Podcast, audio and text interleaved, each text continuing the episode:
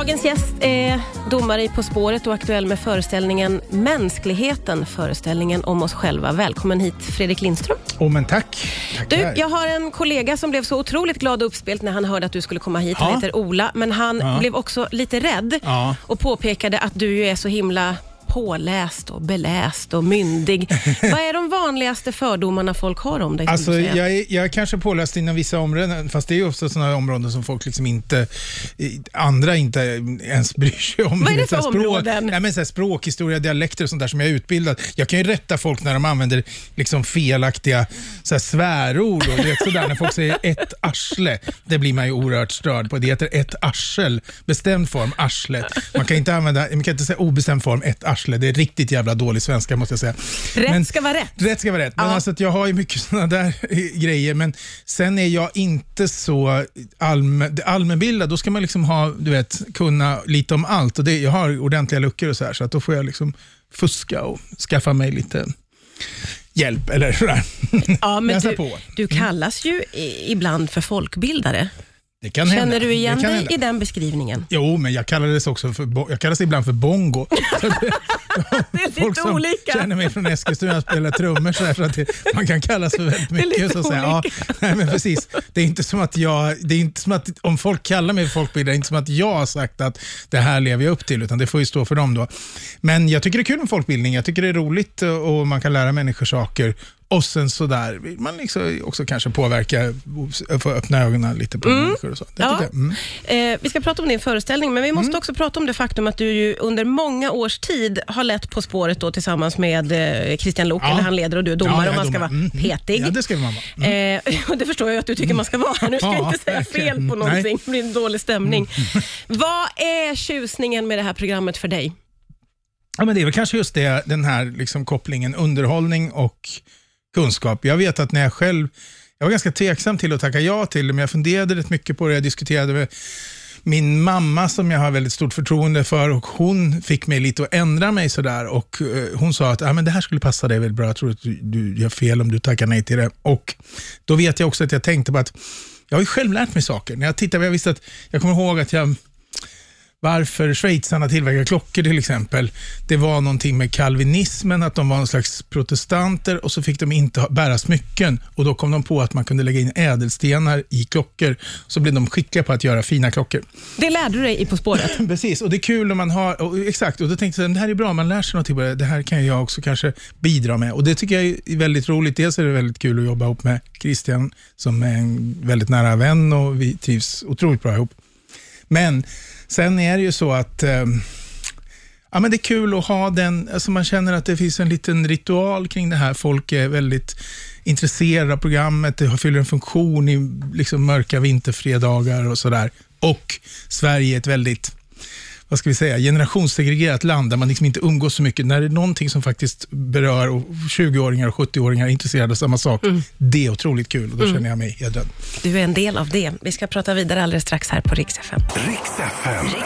Det är Fredrik Lindström som gästar idag, aktuell med eh, mänskligheten, föreställningen om oss själva. Nu Jajamän. Mm. känns det ju som att du tar dig an ett väldigt, väldigt digert ämne. Ja, det är det. Ja. Jag ger mig på. Det är ju hela, alltså det är ju översatsning, men det är ju roligt också. Alltså, En översatsning. Ja, men jag, jag ger mig på mycket, men stort. Nästa föreställning ska heta Universum eller Ja. något sånt där. Nej, men alltså det, för det är lite ordlek i det här nu, för att det är mänskligheten kanske egentligen mera i betydelsen egenskapen, alltså som den som vi har alla, mänskligheten hos var, var och en av oss. Vad det innebär Ja.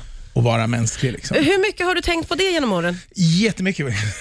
Extremt mycket. Men jag handskas ju ständigt med det här du vet, eh, som kallas imposter syndrome, liksom, att man känner sig lite som en bluff. Ja, att man inte är vuxen riktigt på samma sätt som alla andra. Ja. Och det eh, har jag eh, liksom börjat, alltså fick första ingivelserna på att jag kanske inte var den enda som kände så här. De fick jag någon gång i 30-årsåldern.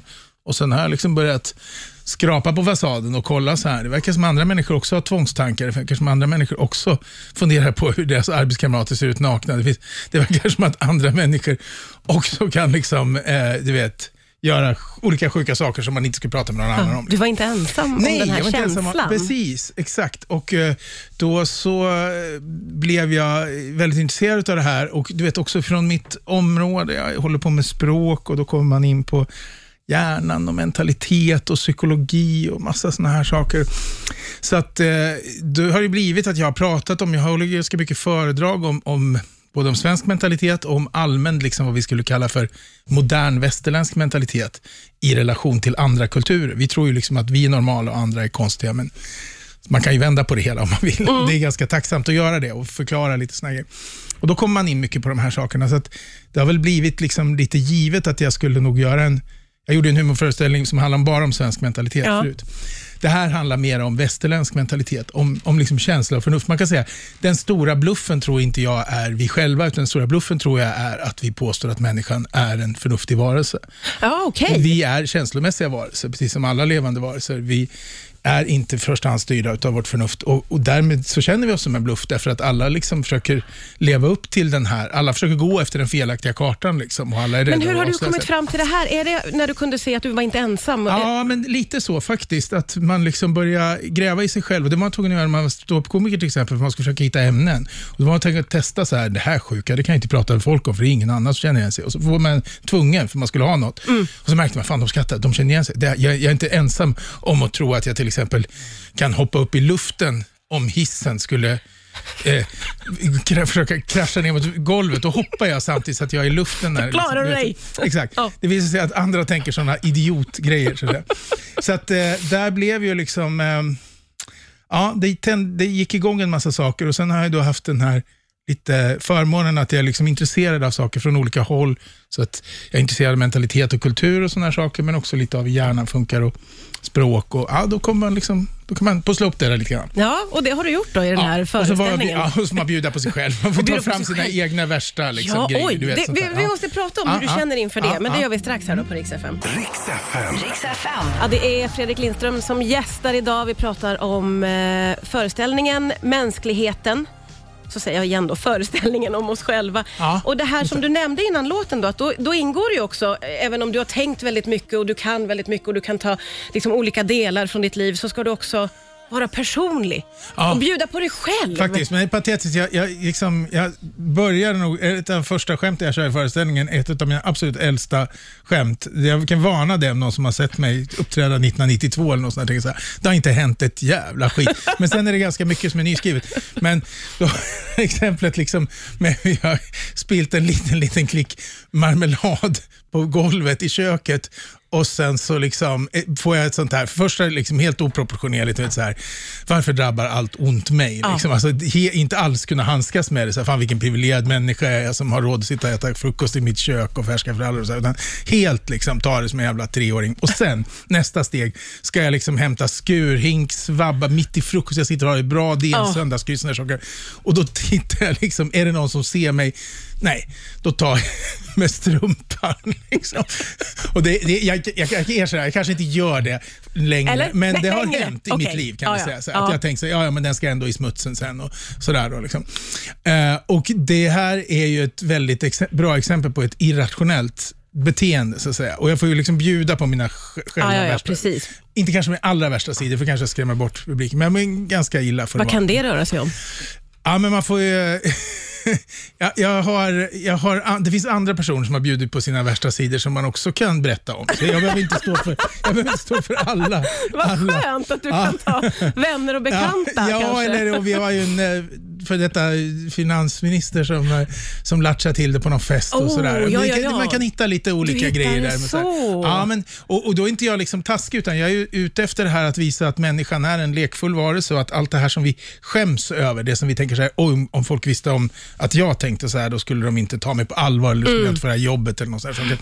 Att det i själva verket är en sund sida av oss. Att vi ska hålla på så. Vi ska, liksom bara, vi ska tänka väldigt mycket saker som vi inte ska göra. Mm. Förstår du? Ja. Och en människa som är förbannad kan tänka så här, jag hatar den jävla aset, jag ska döda honom. Så här. Men tecknet på att man är frisk är att man absolut inte gör det. Man bara tänker, det är känslor, det är ja. okej. Okay, liksom. ja. det, det, är en, det är en, en, tankelivet inombords är en flygsimulator där vi liksom kan göra vilket, vad vi vill och störta.